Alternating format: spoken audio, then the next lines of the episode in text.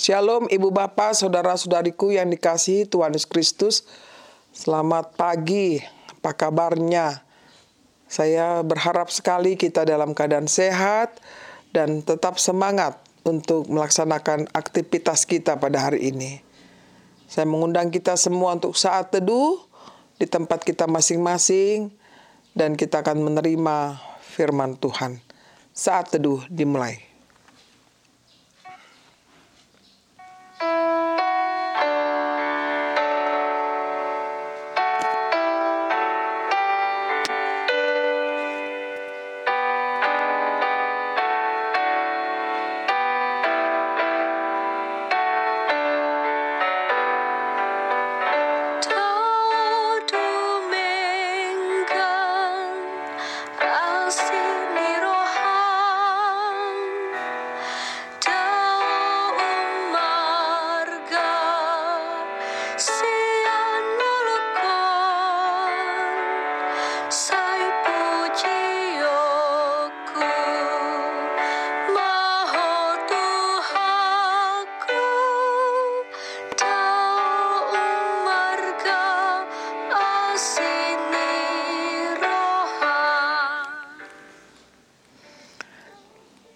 Kami bersyukur Tuhan buat kehidupan yang masih kau berikan kepada kami.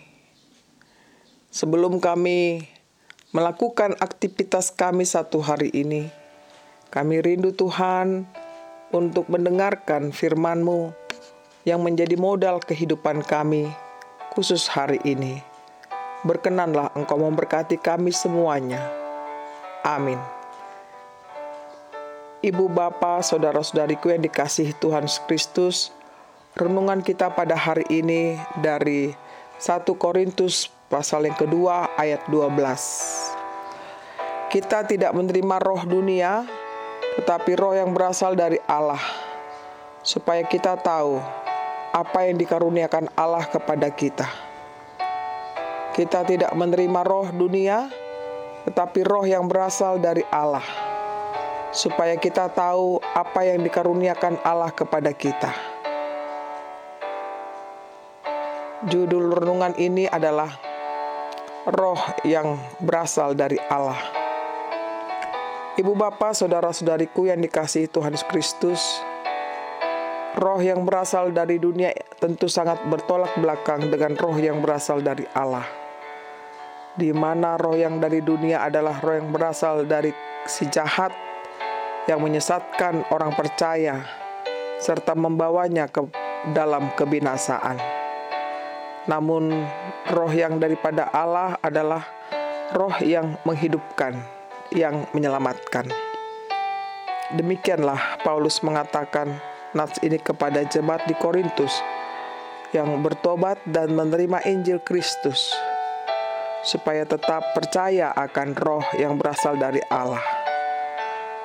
Paulus mencoba menguatkan mereka sebab jemaat Korintus mengalami kebimbangan akan imannya kepada Kristus ketika orang-orang yang tidak percaya kepada Kristus mencobanya untuk menyesatkan iman mereka yang mengatakan salib adalah suatu kebodohan. Ibu bapak saudara-saudariku Hingga kini kita juga masih mengalami goncangan iman bukan? Dari orang-orang yang tidak percaya kepada Kristus. Tetapi melalui firman ini kita dikuatkan kembali agar tetap teguh pada iman kita hanya kepada Yesus Kristus saja. Sebab bagi kita orang percaya salib itu merupakan hikmat dan karya penebusan yang dilakukan Kristus kepada kita sebagai tanda kasihnya. Ketika roh yang dari Allah telah melakukan dalam diri kita, maka kita akan tetap berdiri teguh akan iman kita kepadanya. Tuhan memberkati kita. Amin.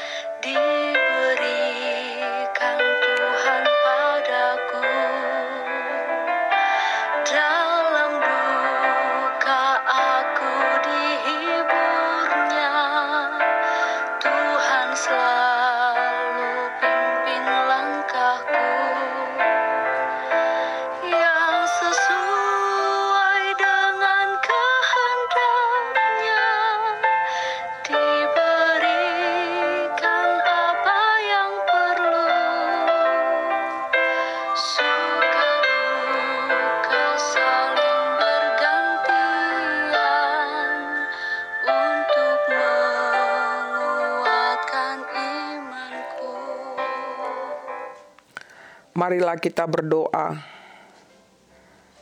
Terima kasih Tuhan buat sapaan firman-Mu yang mengingatkan kami agar kami merasakan akan kehadiran rohmu yang memimpin hidup kami. Berkenanlah Engkau Tuhan memberikan rohmu kepada kami agar kami merasakan pimpinanmu dan karunia-karunia yang kau berikan kepada kami. Tuhan, ajar kami mengenal apa-apa karunia yang kau berikan kepada kami, agar kami melakukannya seturut dengan kehendakmu. Jauhkan daripada kami roh kejahatan yang berasal dari dunia ini, agar hidup kami berbahagia Tuhan di dalam kasih karuniamu. Berkenanlah engkau memberkati seluruh jemaat dan semua keluarga kami Tuhan, di mana pun mereka berada pada saat ini. Bila mereka keadaan sakit, engkau sembuhkan. Bila mereka dalam keadaan duka, engkau hiburkan. Bila mereka lemah imannya, engkau kuatkan. Kami berdoa juga buat seluruh para utusan-utusan dari distrik yang telah terpilih untuk utusan ke Sinode Godang HKBP.